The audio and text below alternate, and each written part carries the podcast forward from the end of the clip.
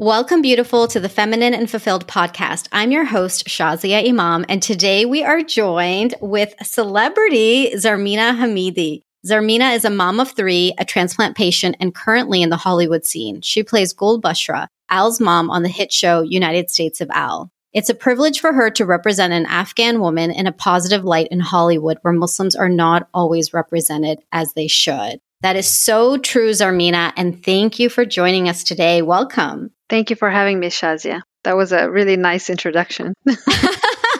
well, it's all Thank about you. you.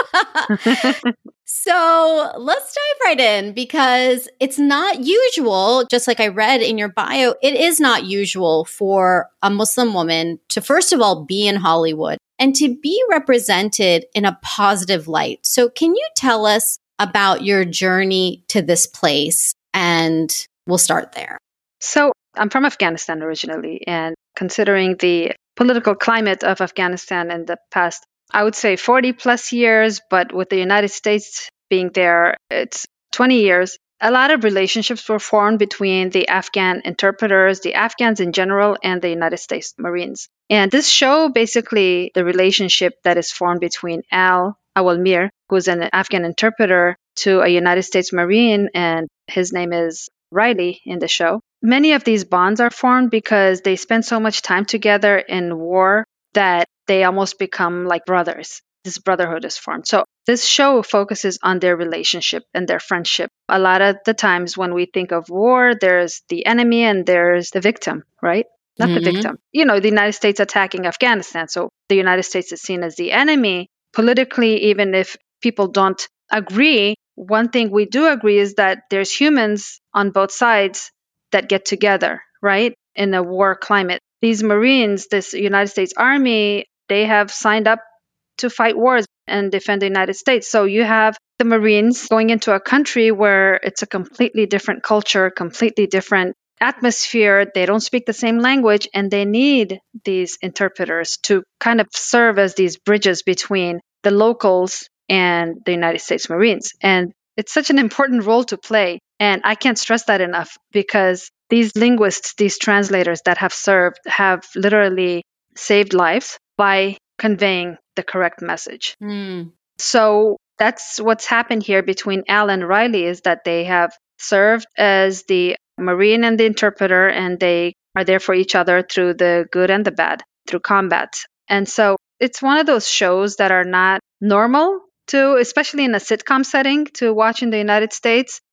I feel like it's so needed, especially in today's world, because these two characters, you know, we have a lot of United States veterans that suffer with PTSD. They've been away from their family, and not only do they suffer, their families also suffer. And the same thing with the Afghans in Afghanistan. You know, this interpreter, they also have families. And with recent changes in the government, and even before that, their lives were in danger because if they found out that you were helping in some way or another the United States, your life was automatically, you were their target. So in this show, Al comes to the United States and lives with Riley's family. And this show basically shows, like I said, not only do they focus on what the veterans, like the veteran and his family are going through, but they also show United States through the eyes of an immigrant and his adjustment. So that's the background of the sitcom United States of Al. How I got into it is I don't have an acting background. Last year, this time, I didn't know I was going to be in Hollywood. Yeah, I didn't know this either. I'm like, Zarmina, I had no idea.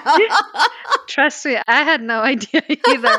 it just, I don't know, it just popped up in my life. And I actually, I think of it as a blessing. Like, I feel like God just threw it at me and said, you know what, you need to go and do this. Because last year we were just struggling with the pandemic and trying to stay safe indoors. What happened was my character is a, she's a mother in her 50s, Gulbashra, and she is set in Afghanistan. She speaks Pashto. And I think they couldn't find somebody to play that character. So they advertised to the Afghan community. There was a flyer going around asking women in their 40s and 50s if they could audition for the role. And she must speak Pashto. She must be in that age group. And so it's one of those roles, I guess, like in a normal setting, if anybody wants to act, usually they start off acting really early in life, or, you know, they want to be like, when I envisioned actors and actresses, they were always like, you know, young and thin, and they were always playing that part. So mm-hmm. this was kind of unusual, but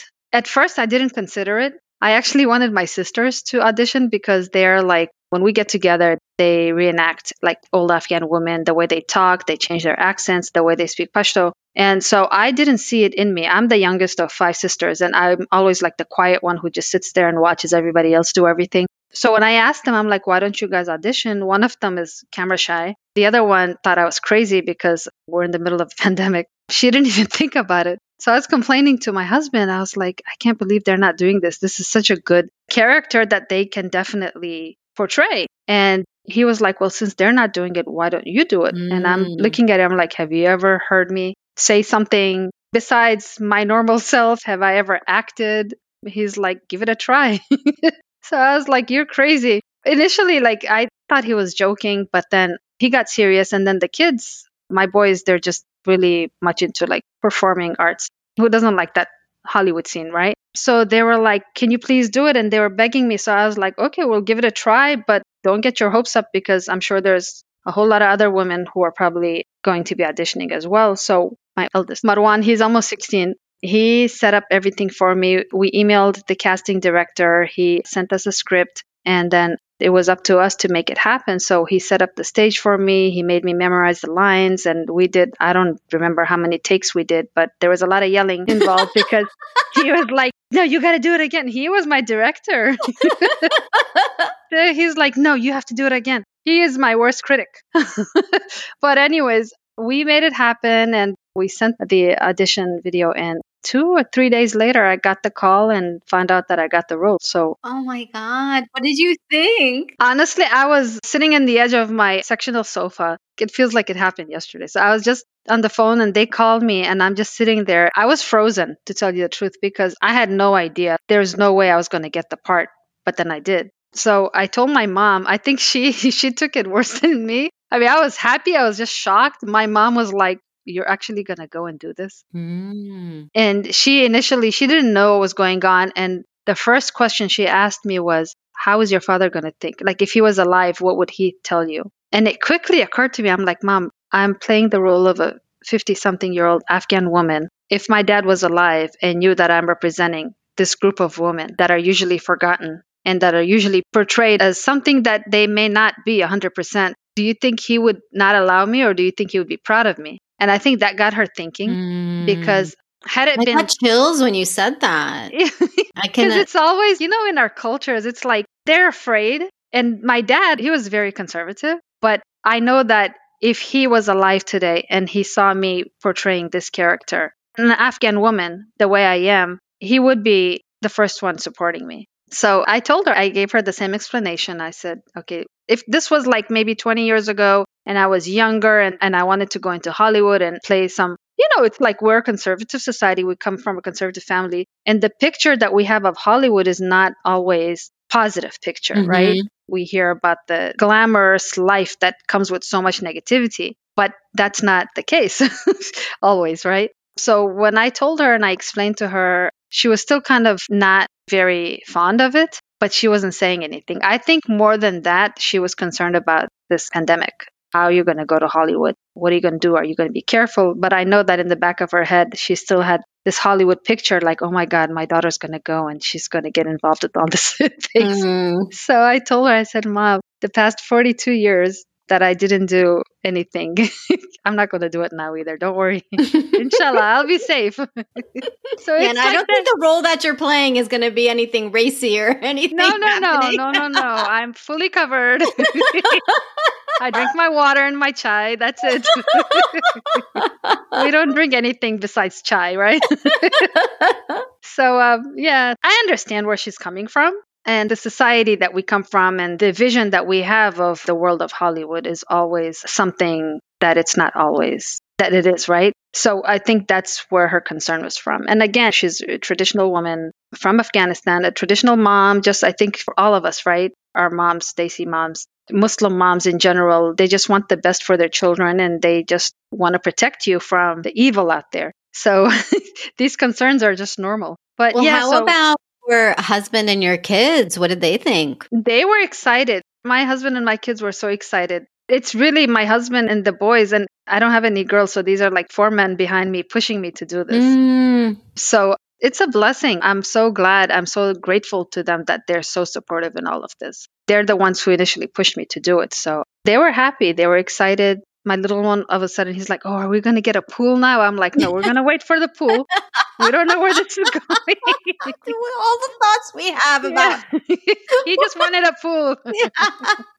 So tell Yeah. us about going to Hollywood. So it sounds like you physically went to Hollywood then. Yes, so that's another story in itself. So I'm a immunocompromised person. I had my transplant back in 2020. Okay. And when this happened, they said that they were going to fly me over to California. And this is at that time where LA was the hotspot for the pandemic. So this was last year, end of January, February. And so I talked to my transplant team because the vaccine had just come out and I wanted to ask if they could get me vaccinated sooner, just so that I have a peace of mind and God forbid anything happens. When I called them and I asked them if they could vaccinate me, my doctor, she was upset. She's like, You're not flying. And I was like, Yes, I am. I got a job. She's like, I didn't tell her initially what the job was. And she's like, We're just going to write them letter telling that you cannot fly if you could do anything from home.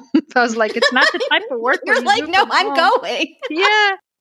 She's like, I'm not letting you fly. And so I got to a point where I almost called the casting director and told him that I'm not coming, get somebody else because of my issues. My husband was next to me when I hung up with the doctor, and I told him, I said, I'm going to email him and let him know what my issue is, that I can't fly over. And he looked at me, he's like, Well, they didn't say anything about driving. And I'm thinking, I'm like, Are you okay? That's a really long drive in the middle of winter and a pandemic. He's like, Yeah, I'm going to take you there. I'm going to drive you. And so he drove me. oh my god! Oh Look, my heart Yeah. is melting right now. It's crazy. I mean, I think we are crazy, but it was meant to happen, so it happened. We drove last February. Yeah, this past February, we drove to California for my very first acting experience. It was nice because we took a break. He needed to get out as well. So Mm. we just, alhamdulillah, we have family here that were taking care of our children. We left them with my husband's sister. They're so supportive. Let me tell you, my in laws have been so supportive throughout this whole thing. They're actually so excited and happy when they first found out. And so they took care of the kids while we drove to California and made it wow! happen. And are your in-laws also Afghan? yes, they are. Okay. Yes, they're Afghan. This is not something that women all the time hear.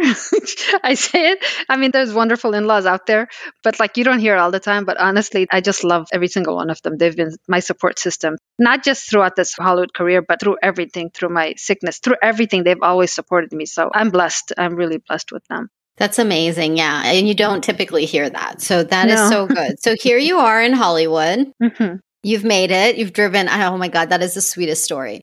So you've arrived. Tell us what it's like being on set. I think, like you were saying earlier when you're talking about just what different people think about the Hollywood scene. I know for me, can imagine others too. It does seem really glamorous. And then you go on set and the director's like, cut.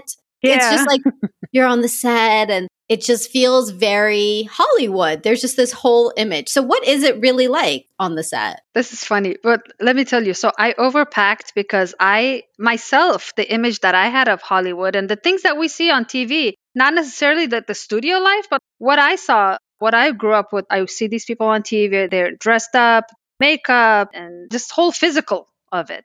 Yeah. That's oh, yeah. All what the I makeup people, end, right? hair people, all the things, all the things. So you just see like these beautiful people on screen that are always shining, and that's what we perceive Hollywood as, right? The first day when I went to the studios, I felt that I was way overdressed everybody else.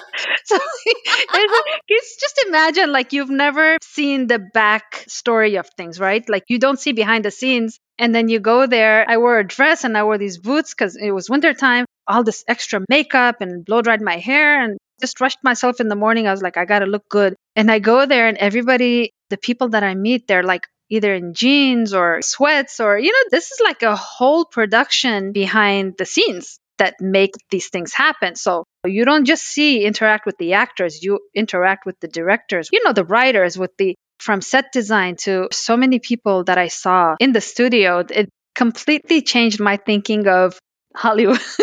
like it's the amazing things, the amazing people, the amount of work that goes behind producing scene out of a show. I don't know how to describe it. It's something I had never experienced and it was surreal for me. But just to meet these people and they were just really nice, down to earth people, very understanding. And the fact that they were willing to learn as much as they could about Afghans and the Afghan culture, like I really appreciated that from everybody, from the writers to the directors to my makeup artist. She was really asking me questions. She wanted to make sure that she does my makeup in the right way. Clothing, uh, the clothing, oh my God, wardrobe, they're amazing. They called me ahead of time, like, what would a woman in your age, in Gulbashra's age, wear? So open to everything, so willing to learn. They just wanted to make sure that they're representing in the most accurate way possible. And they want to make sure that they're not offensive to anybody. So I really appreciated that part of it. I would say it's everybody, everyone there in this whole production. They've just been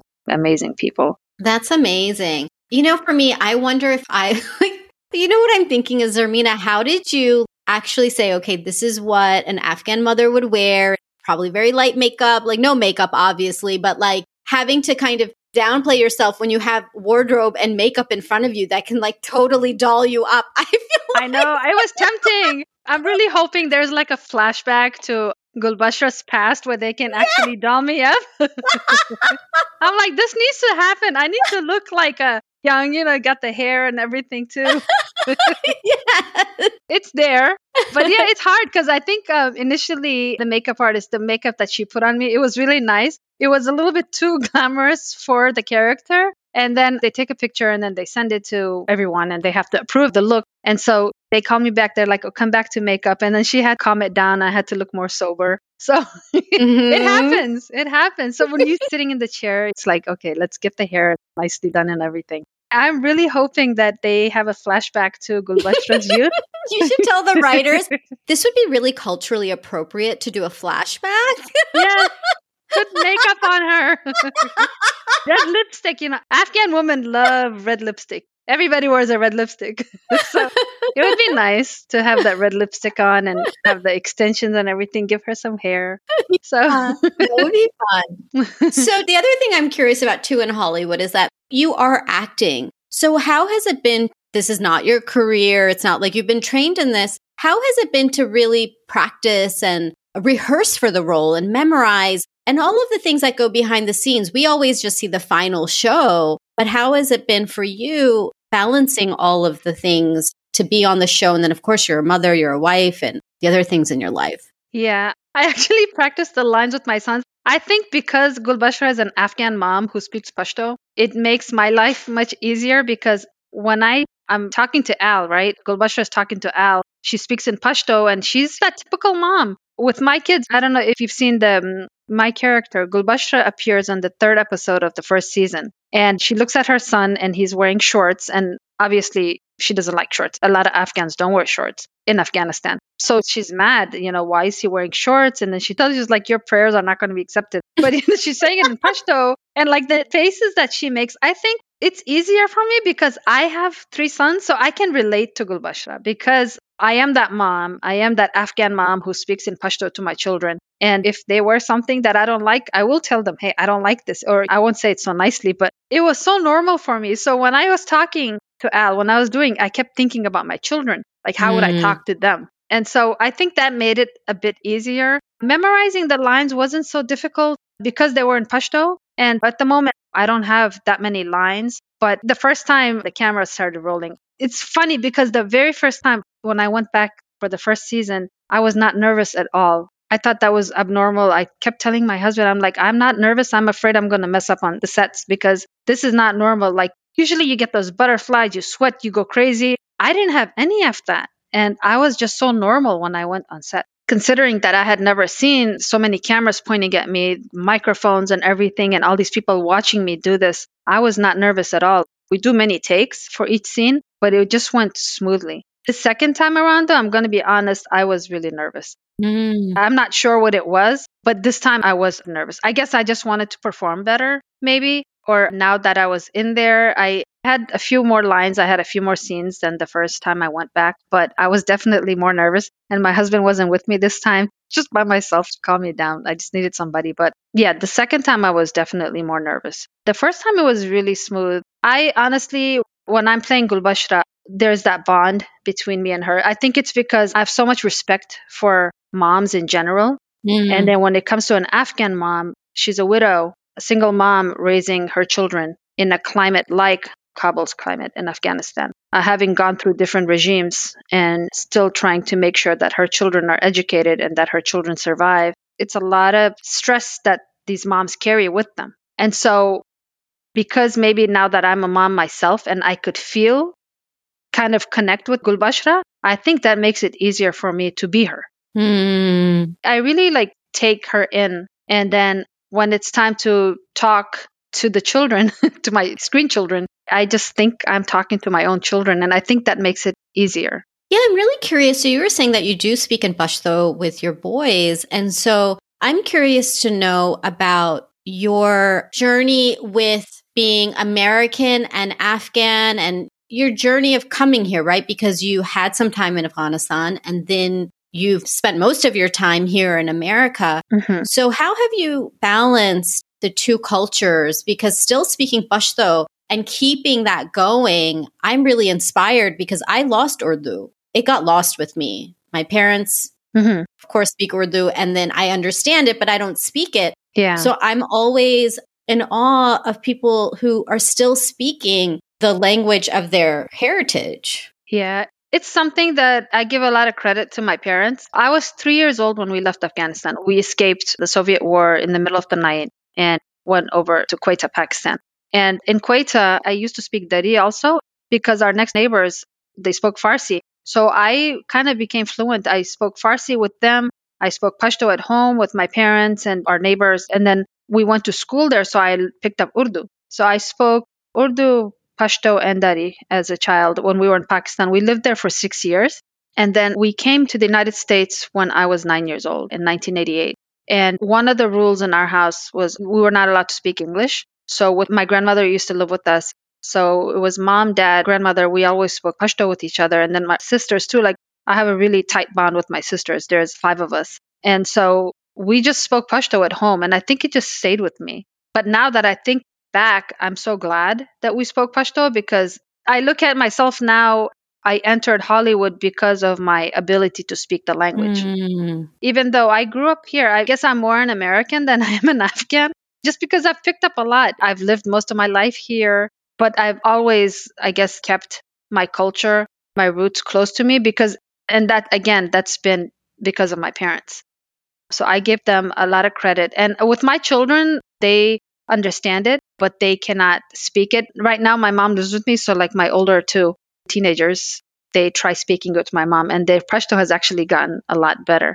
So, they speak it with her. It was not easy balancing that Afghan Muslim life. We came here in 88. We lived in Arlington. I've been in Virginia most of my life. We started off living in Arlington. And at that time, we didn't have access to a lot of Muslims. I think Adam Center was always there, but it was so far we didn't know it existed. The only masjid we knew that existed was Dar al Hijra, but that was like way later. When I was a teenager, I found out that this masjid exists, and then I used to take my brothers there. But I was never connected with the Muslims or other Afghans, except like we had an Afghan like community from Kandahar as well.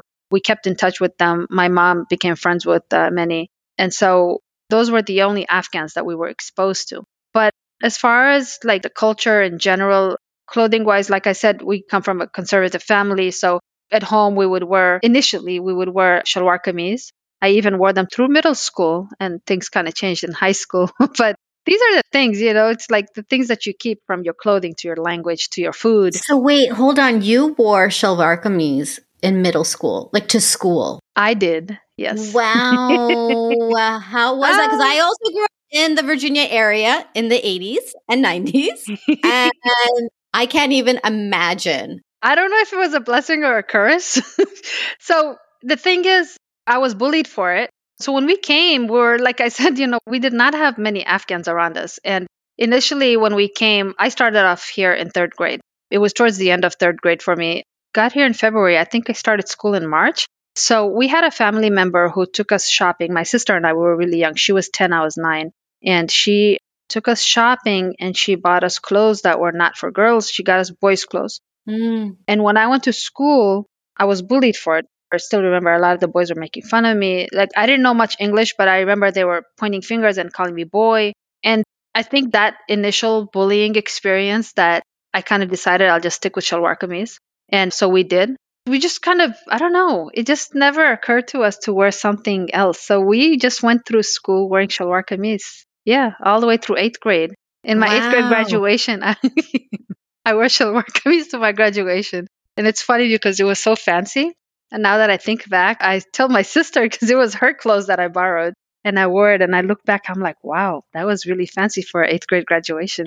but yeah, but things changed. Ninth grade, we kind of grew up and we had a chance to assess life and we figured jeans were okay, shirts were okay. So we really started wearing jeans and shirts in ninth grade. And yeah, throughout high school and then college. Yeah, it's funny, but we did it.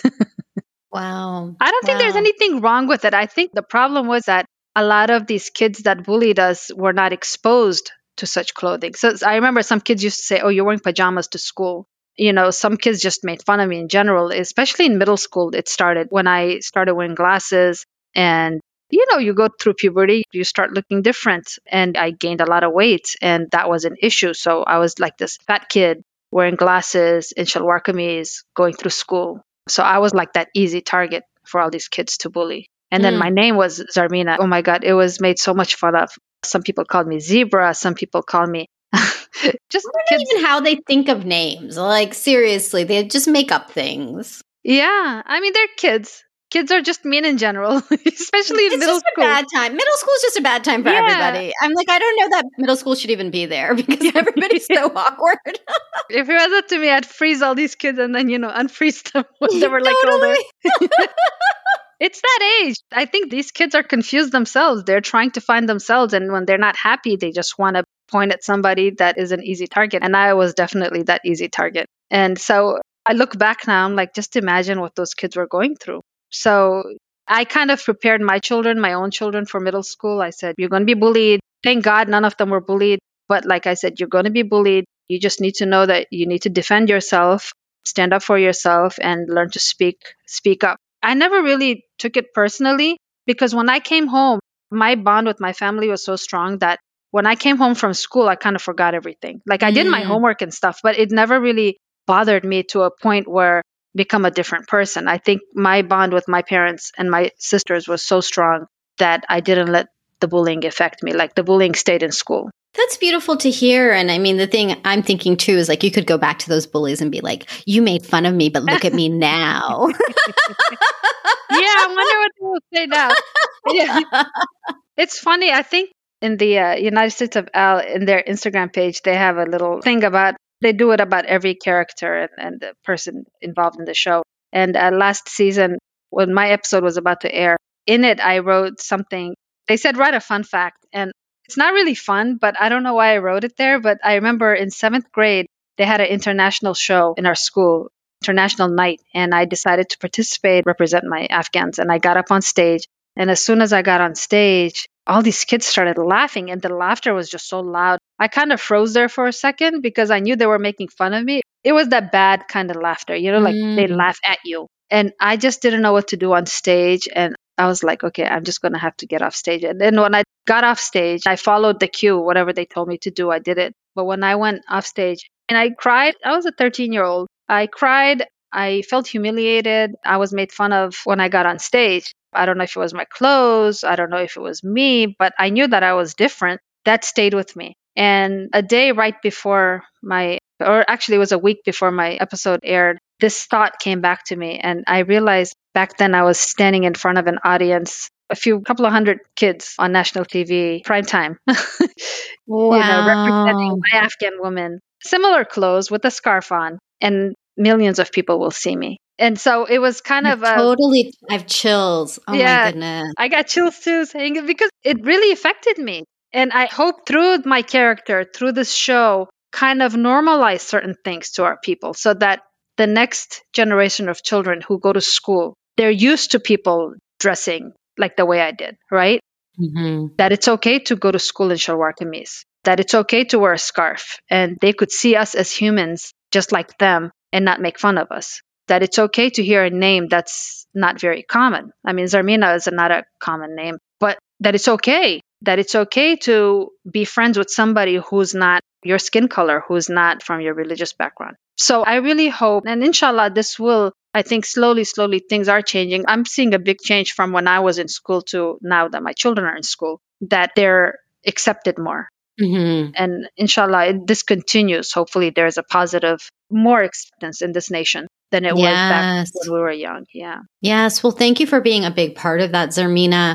I mean, media is a huge catalyst to change perceptions of mm-hmm. people and cultures and groups of people. And I'm so happy. Happy is not the right word, but I will use it. I'm so happy and proud and relieved to know that you're in this role, paving the way and showing just us as as people and in our real cultural context, not mm-hmm. the westernized context of what Hollywood thinks that an Afghan mother is. But exactly. I'm so pleased to hear that they wanted to know from you, okay, what does she wear? What is she like? We really want this to be accurate. And so thank you so much for being brave enough to send in your tape and then brave enough to go. I know that we didn't spend the time to talk about your transplant, but that was very brave of you to go. Yeah, I think I just wanted to say something because I feel like,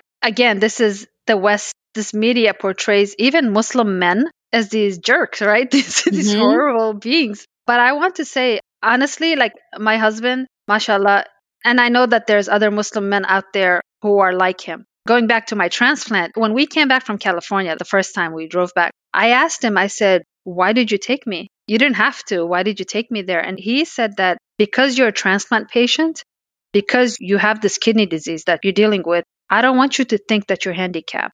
And I don't mm. want you to mm. think that you cannot accomplish things in life. And that means a lot to me because really, when we go through a disease, I still have the disease in me, but when we are struggling in life physically, right? We shouldn't think of ourselves, oh, I'm sick, so I can't do this. Yes, you can. You know, yes. you can do anything as far as you put your 100% into it and as far as you have the right intentions toward it, it will happen. And for me, I don't know, when I was diagnosed with kidney disease, even in the beginning, I thought of it as a blessing. It was a positive. I don't know. I never sat there and cried and said, why me? And I really feel like God blessed me with that strength because I never had this before. And I feel like this kidney disease really made me a stronger person. Mm. That I started being thankful, at least I'm not dead, right? At least I have a second chance at life. Even with dialysis, it was painful, but I was alive. And then with the transplant happened, he blessed me with another chance at life. And I couldn't just sit there and lock myself in the house because, oh, I'm immunocompromised. It's like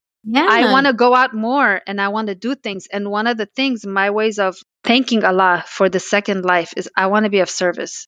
Mm. I want to spend my life in service of other people. I think that's my way of showing God that I'm grateful for the second life that you gave me. I don't want to spend it in my house sitting here and not caring about the world and think, oh, well, I got a second chance at life. I'm just going to sit here and close every door. Actually, this kidney disease opened a lot of doors for me and gave me strength. And I think that's what my husband took me. He didn't want me to think that, oh, I can't do this because mm. you're sick. Yeah. Yeah. Well, so thank you to him for being like literally he gets husband of the year award okay husband really of the decade award tell him that i will and he's I'm wonderful he's wonderful oh we know. I'm like, oh, okay. That's like the yeah. sweetest thing ever. No, the funny thing is, because, you know, Pashtuns are always portrayed as strong, conservative, controlling, oh, let me keep my wife at home and not show her to the world type people, right? And then here's my husband. I don't want to say it's just my husband. Mashallah. I think there's a lot of men out there, Muslim men, Afghan men, yeah, Pashtun men, because they're always portrayed as these the crazies.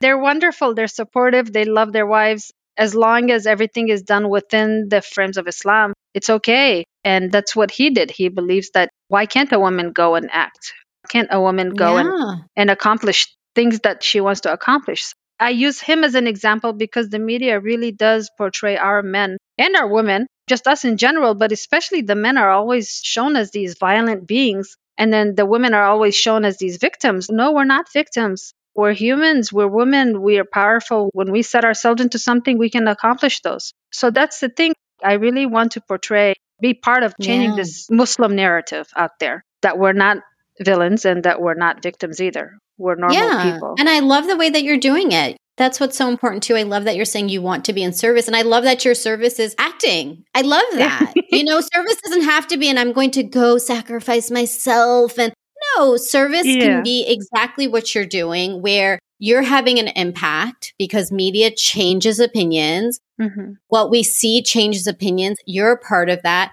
And look, totally like transparently, I think it's amazing that your service also gets to involve hair and wardrobe and makeup. Yes, yes. I love all those. I'm a certified makeup artist and I haven't done it since I got sick, but why not? Right? Yes. Why can't we wear makeup? Why can't we look good? Why can't we do our hair and still be of service to society?